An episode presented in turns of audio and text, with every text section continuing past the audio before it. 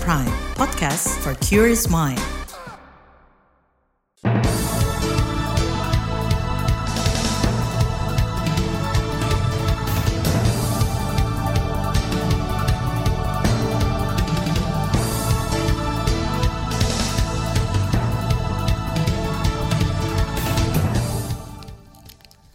Selamat pagi saudara, berjumpa kembali dalam Buletin Pagi edisi Rabu 8 Maret 2023 bersama saya Naomi Liandra.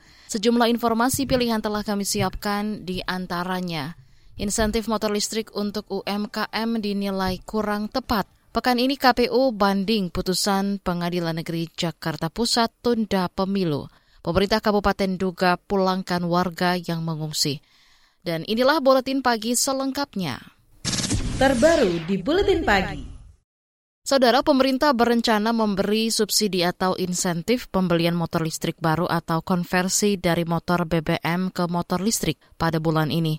Meski begitu, pemerintah menjelaskan subsidi itu akan ditujukan untuk pelaku usaha mikro kecil dan menengah UMKM. Hal itu disampaikan Menteri Perindustrian Agus Gumiwang di Kompleks Istana Kepresidenan kemarin.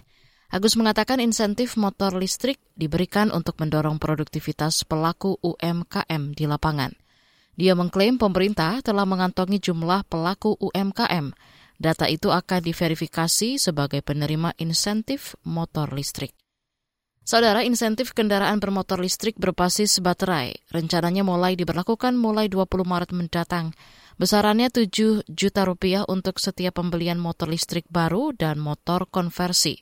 Tahun ini insentif akan diberikan untuk 200 ribu unit pembelian motor listrik, sedangkan untuk konversi diberikan untuk 50 ribu unit.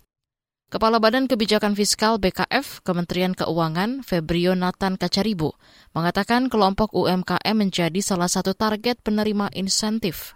Target penerima bantuan pemerintah ini diutamakan adalah pelaku UMKM, khususnya penerima Lalu juga penerima BPUM, dan juga nanti bisa eh, termasuk pelanggan listrik 450 sampai 900 VA. Hal ini dimaksudkan agar penggunaan motor listrik untuk mendorong produktivitas dan efisiensi usaha pelaku UMKM. Itu tadi Kepala Badan Kebijakan Fiskal Febrio Nathan Kacaribu. Insentif motor listrik untuk pelaku UMKM menuai sorotan dari kalangan parlemen. Anggota Komisi Koperasi dan UMKM di DPR, Amin Aka, mengatakan pemerintah seharusnya bisa mengidentifikasi kebutuhan mendesak pelaku UMKM. Pemerintah memang harus harus memetakan dan harus punya data yang detail ya mbak ya. Eh, mereka-mereka yang terdampak kan ya harus didefinisikan kebutuhan mereka itu apa gitu kan. Itu pemerintah yang paling tahu dan tentu harus ada apa namanya pendataan ya diidentifikasi gitu kan masing-masing kebutuhan apa tapi secara umum memang kan yang paling mudah ya tadi dengan bantuan eh, bantuan langsung tunai kan itu untuk permodalan ya Anggota Komisi Koperasi dan UMKM di DPR Amin Aka mengatakan insentif motor listrik ini tidak boleh mengganggu penyaluran bantuan lain untuk usaha kecil. Apalagi UMKM saat ini tengah mencoba bangkit usai terdampak pandemi COVID-19. Peran UMKM juga sangat besar untuk pertumbuhan perekonomian Indonesia. Kontribusi UMKM terhadap produk domestik bruto PDB mencapai lebih dari 60 persen. UMKM juga berkontribusi lebih dari 90 persen terhadap penyerapan tenaga kerja nasional. Asosiasi Industri UMKM Indonesia atau Aku Mandiri menilai insentif motor listrik belum menjadi prioritas bagi para pelaku usaha mikro kecil menengah. Ketua Umum Aku Mandiri Hermawati Setrioini mengatakan, bantuan yang saat ini dibutuhkan adalah modal usaha hingga perluasan pasar. Karena kalau utama itu sebenarnya mereka masih UMKM ini kan selama ini yang ultra mikro mikro ini masih berkutat dalam hal mengembangkan usaha marketingnya bagaimana duitnya dari mana kan masih berkutat di situ. Dia nggak fokus, dia nggak utama untuk menambah armada atau mikir ini nek tak konversikan oh jadi listrik gimana gitu. Nah itu yang belum prioritas. Ketua Umum Aku Mandiri, Hermawati Setiorini, mendorong pemerintah melakukan pengawasan yang ketat supaya penyaluran insentif motor listrik lebih tepat sasaran. Sorotan juga muncul dari ekonom yang menilai insentif motor listrik bukan menjadi kebutuhan utama sebagian pelaku UMKM. Direktur Eksekutif Lembaga Kajian Ekonomi Indef, Tauhid Ahmad, mengatakan kebijakan itu akan tepat sasaran jika ditujukan untuk pelaku ojek maupun pelaku usaha yang mengandalkan kendaraan roda dua kalau dari kebutuhan ya pertama tuh akses market atau pasar ya itu harus itu yang pertama karena mereka e, butuh sekali misalnya fasilitasi untuk digitalisasi UMKM e, apa agar e, produknya itu bisa diterima begitu ya. ya. Baru yang kedua adalah e, bicara memang pendanaan ya baru e, akses pembiayaan dan sebagainya itu penting. Direktur Eksekutif Indef Tauhid Ahmad menyebut saat ini masih ada pelaku UMKM yang justru kesulitan mengakses kredit usaha rakyat KUR. Dia mendorong pemerintah bisa menekan bunga KUR hingga 0% bagi pelaku usaha mikro. Sebab kata dia bunga kredit saat ini menunjukkan tren peningkatan hingga menyulitkan pelaku UMKM. Menurut Tauhid, UMKM niaga lebih membutuhkan bantuan untuk pengembangan produk hingga manajemen ketimbang kendaraan listrik. Saudara, KPU akan mengajukan banding putusan penundaan pemilu pada pekan ini. Tetaplah di Buletin Pagi KBR. You're listening to KBR Pride, podcast for curious mind. Enjoy!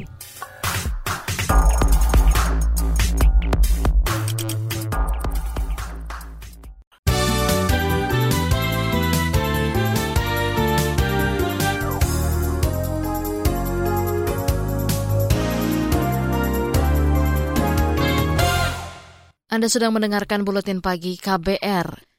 Yayasan Lembaga Bantuan Hukum Indonesia YLBHI mendorong agar kasus dugaan pencemaran nama baik yang menyeret aktivis HAM Haris Azhar dan koordinator LSM Kontras Fatia Maulidianti segera dihentikan. Dugaan pencemaran nama baik itu dilaporkan oleh Menteri Koordinator Bidang Kemaritiman dan Investasi Menko Marves Luhut Bin Sarapanjaitan. Ketua Bidang Advokasi YLBHI Zainal Arifin menilai penyidik terkesan memaksakan kasus berlanjut ke persidangan. Tentu saja serangan terhadap Fatia, serangan terhadap Haris itu tidak hanya serangan terhadap bisa dilihat sebagai serangan terhadap individu, tapi serangan dan pembunuhan terhadap uh, kebebasan berekspresi dan demokrasi. Apabila hari ini Fatia dan Haris saja bisa dikriminalkan, maka sangat mungkin ya aktivis-aktivis uh, demokrasi uh, dan pejuang lingkungan itu sangat mungkin mendapatkan hal-hal uh, serupa di berbagai daerah. Ketua Bidang Advokasi YLBHI Zainal Arifin mengatakan kasus ini akan menjadi presiden buruk bagi demokrasi jika dilanjutkan ke persidangan. Haris dan Fatia dilaporkan Luhut ke polisi terkait unggahan video di YouTube. Video ini berisi perbincangan Haris dan Fatia terkait penelitian sejumlah LSM mengenai korelasi antara pengerahan militer di Papua dengan perusahaan tambang di sana. Salah satu perusahaan tambang itu sahamnya dimiliki perusahaan Luhut. Kita ke informasi pemilu. Kabar pemilu. Kabar pemilu. Komisi Pemilihan Umum KPU pekan ini akan mengajukan banding soal penundaan pemilu yang diputuskan Pengadilan Negeri Jakarta Pusat. Dikutip dari antara Komisioner KPU Muhammad Afifuddin mengatakan tengah mempersiapkan berkas-berkas pengajuan banding. Berkas itu antara lain aturan tentang sengketa pendaftaran partai politik, sidang sengketa pemilu di Bawaslu, dan pengadilan tata usaha negara, serta berbagai dokumen yang menguatkan alasan banding KPU. Sebelumnya Majelis Hakim Pengadilan Negeri Jakarta Pusat memerintahkan KPU untuk tidak melaksanakan sisa tahapan pemilu 2024. KPU diminta memulai ulang tahapan pemilu dari awal. Putusan ini terkait dengan gugatan perdata yang diajukan Partai Rakyat Adil Makmur Prima kepada KPU. Partai Prima menggugat KPU karena dinyatakan tidak memenuhi syarat sebagai parpol peserta pemilu 2024. Kita ke informasi lain. Komisi Pemberantasan Korupsi KPK menyebut laporan harta kekayaan penyelenggara negara atau LHKPN masih menjadi momok bagi sebagian orang.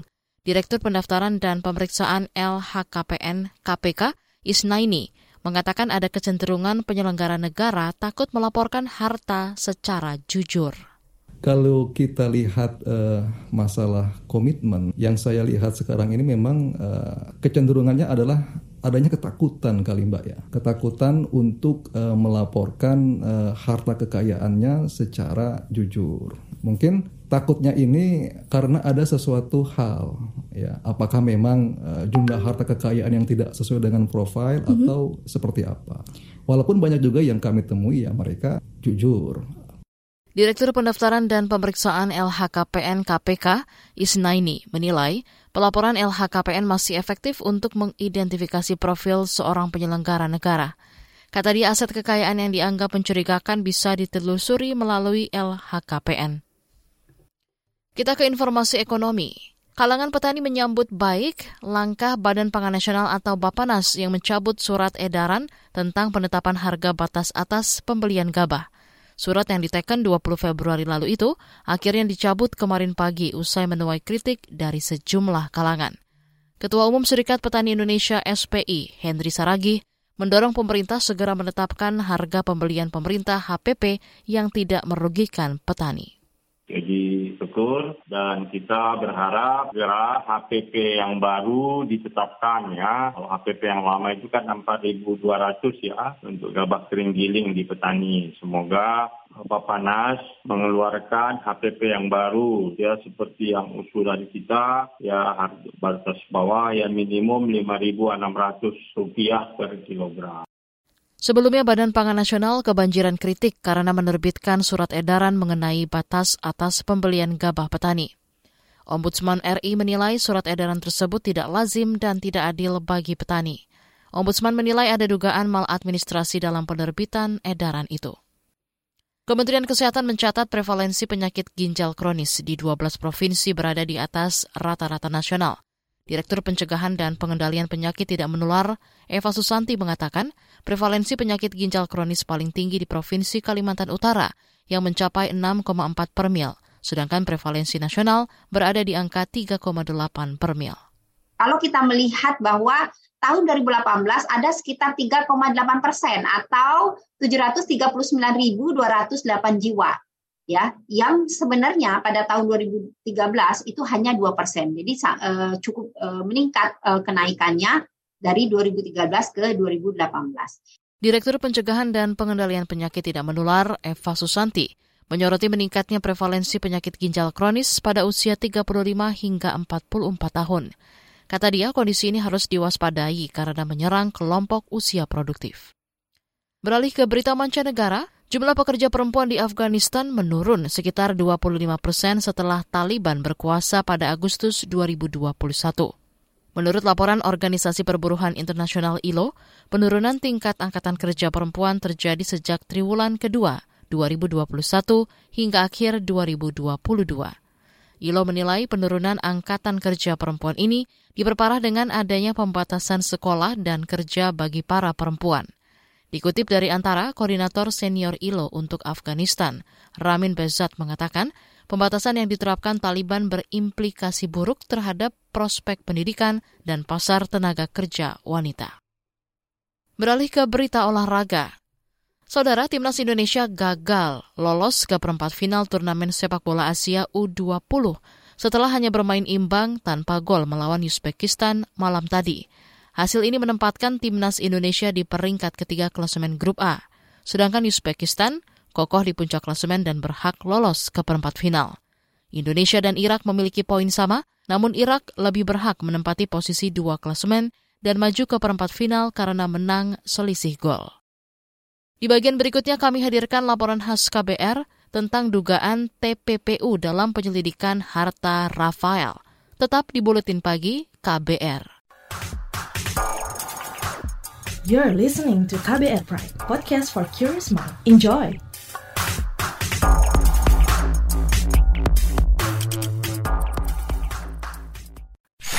Commercial break. Commercial break.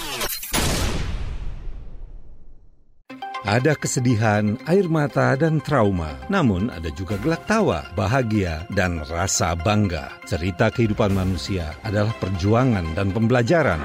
Pertanyaan dibalik itu secara psikologi, apakah dia punya niat membunuh? Kan belum tentu. Saya kaget ketika ada konflik sesama orang Madura sendiri mengatasnamakan aliran keagamaan. Sejak itu, warga Syiah harus mengungsi sampai sekarang. Untuk kehidupan saya pada waktu itu aja nggak menentu kan. Boro-boro mikirin untuk perpustakaan gitu. Saga, cerita tentang nama, peristiwa, dan fakta. Liputan khas KBR ini telah memenangkan berbagai penghargaan nasional dan internasional. Anda sedang mendengarkan program Saga Produksi KBR. Simak di program Buletin Pagi pukul 6 waktu Indonesia Barat, Buletin Sore pukul 16 waktu Indonesia Barat, dan KBR Pagi pukul 7 waktu Indonesia Barat. Dengarkan Saga di radio jaringan KBR di Nusantara atau streaming di kbr.id. Saga juga hadir dalam bentuk podcast di kbrprime.id. KBR, inspiratif, terpercaya.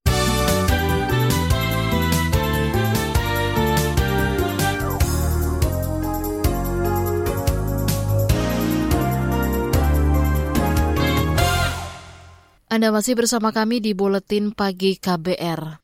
KPK meningkatkan status perkara bekas pejabat pajak Rafael Alun Trisambodo ke tahapan penyelidikan. Peningkatan status dilakukan karena Rafael diduga melakukan tindak pidana pencucian uang atau TPPU. Selengkapnya simak laporan khas KBR disusun jurnalis Siti Sadida Hafsyah.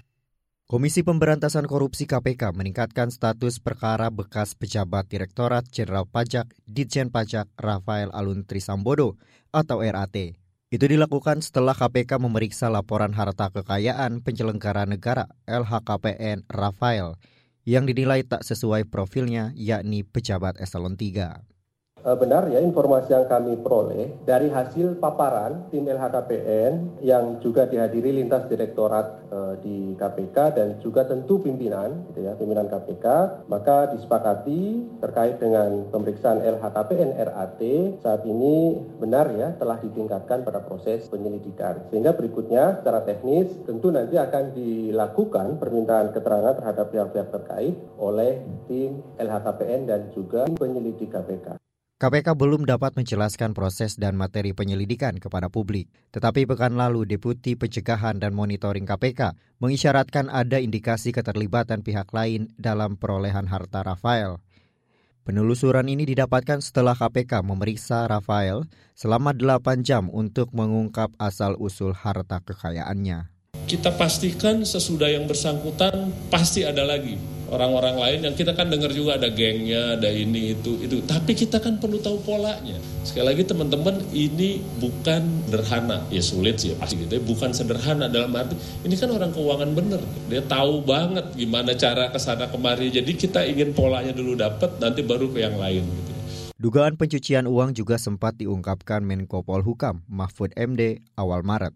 Ia mengklaim kecurigaan telah ada sejak 10 tahun lalu tidak sesuai dengan profil pekerjaan yang bersangkutan itu sebenarnya tahun 2013 berdasar surat yang dibuat tahun 2012 dari Kejaksaan Agung kemudian 2013 PPATK sudah berkirim surat ke KPK tentang adanya beberapa hal yang diduga pencucian uang dan proses didapat yang tidak sah oleh saudara Alun. Kini, Pusat Pelaporan dan Analisis Transaksi Keuangan (PPATK) telah memblokir lebih dari 40 rekening Rafael dan keluarganya yang diduga terkait TPPU. Mengutip antara, Kepala PPATK Ivan Yustia Vandana mengatakan mutasi rekening yang dibekukan lebih dari 500 miliar rupiah dari periode 2019 hingga 2023. Salah satu pihak yang diduga nomini atau pihak lain pada kasus Rafael adalah konsultan pajaknya – Belakangan, konsultan pajak Rafael melarikan diri ke luar negeri. Akhir Februari lalu, Sri Mulyani mencopot Rafael dari jabatannya di Dijen Pajak. Bahwa jajaran Kementerian Keuangan yang memiliki gaya hidup mewah telah menimbulkan sebuah persepsi negatif dan erosi kepercayaan dari seluruh masyarakat terhadap Kementerian Keuangan dan dalam hal ini juga Direktorat Jenderal Pajak. Ini menimbulkan pertanyaan yang sangat serius, legitimate dari masyarakat mengenai dari mana sumber kemewahan itu diperoleh. Informasi terbaru dari CNN Inspektur Jenderal Kementerian Keuangan Awan Nurwan Nuh menyatakan, Rafael telah dipecat dari Dijen Pajak Kemenkyu. Berdasarkan audit investigasi, Rafael terbukti melanggar disiplin berat namun ia belum menjelaskan pelanggaran berat apa yang dilakukan Rafael. Kata dia, Menkyu Sri Mulyani menyetujui pemecatan ini. Sebelum dipecat, Rafael sempat mengajukan mundur dari posisinya. namun ditolak Wakil Menteri Keuangan Suhasil Sazara. Kata dia, Rafael masih berstatus aparatur sipil negara dan terikat pada peraturan Kemenkeu.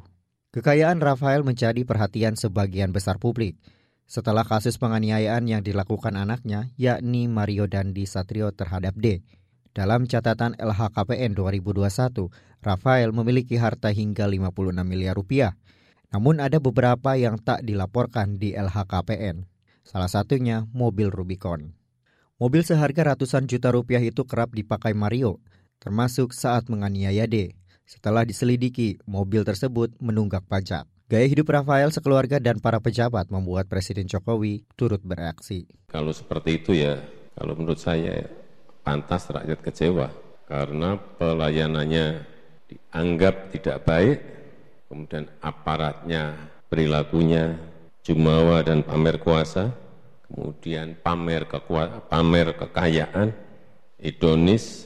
Jokowi memerintahkan seluruh menteri dan kepala lembaga mendisiplinkan aparat di bawahnya Instruksi juga ditujukan untuk kepolisian dan juga aparat hukum lain.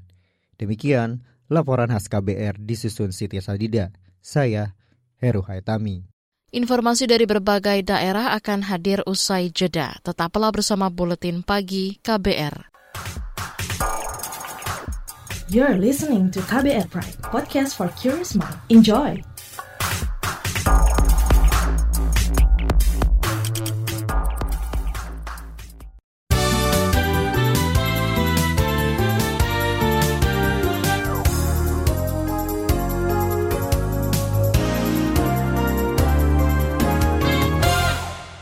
Inilah bagian akhir buletin KBR. Saudara, kepolisian memeriksa 24 orang terkait kebakaran di kilang minyak Pertamina Pelumpang, Jakarta Utara, Jumat pekan lalu. Juri bicara Mabes Polri Ahmad Ramadan mengatakan kasus ini masih dalam tahap penyelidikan. Di tempat lain, Polri mengerahkan lebih dari 140 personil untuk mengevakuasi korban tanah longsor di Kabupaten Natuna, Kepulauan Riau. Menurut data Badan Penanggulangan Bencana Daerah BPBD Natuna, Hingga kemarin korban tewas akibat longsor mencapai 15 orang. Lebih dari 40 orang diduga masih tertimbun longsor. Kita ke Papua. Pemerintah Kabupaten Duga, Papua, Pegunungan, Pegunungan berencana memulangkan warganya yang berada di berbagai lokasi pengungsian di Wamena, Kabupaten Jayawijaya. Para warga mengungsi usai kerusuhan akhir Februari lalu. Rencana itu disampaikan penjabat Bupati Nduga Namia Gwijangge. Ya, kalau mereka mau kembali ke Geneam, uang APBD saya siapkan, pesawat. Pesawat saya siapkan untuk semua kalian juga. Tapi kalau tinggal di Wamena terus tidak ada pekerjaan, begitu sehingga ada masalah ikut terlibat. Penjabat Bupati Nduga Namia Gwijangge meminta warganya tidak khawatir mengenai keamanan di Nduga. Ia juga mengatakan pemerintah tidak akan lagi memberi kompensasi atau bantuan jika warga tak mau kembali ke daerah asal.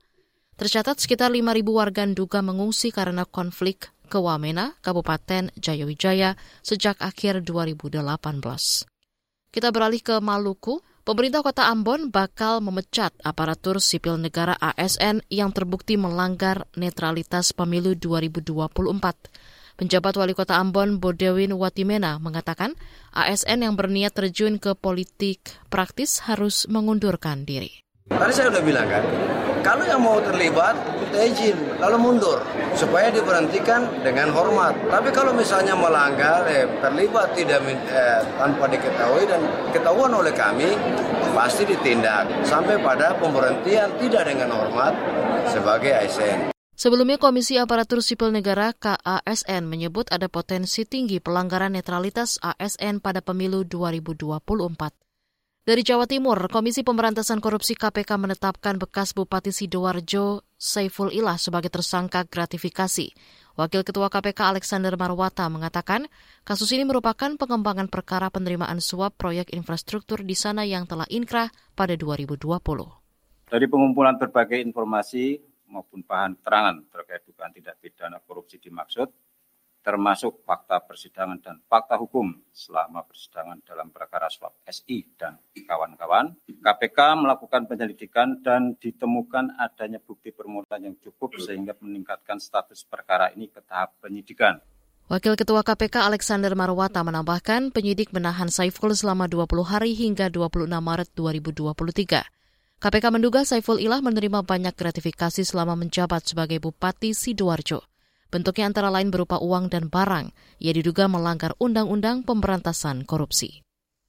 Informasi tadi menutup jumpa kita di Buletin Pagi hari ini. Pantau informasi terbaru melalui kabar baru, situs kbr.id, Twitter at berita KBR, dan juga podcast di alamat kbrprime.id. Saya Naomi Liandra, bersama tim yang bertugas, undur diri. Salam.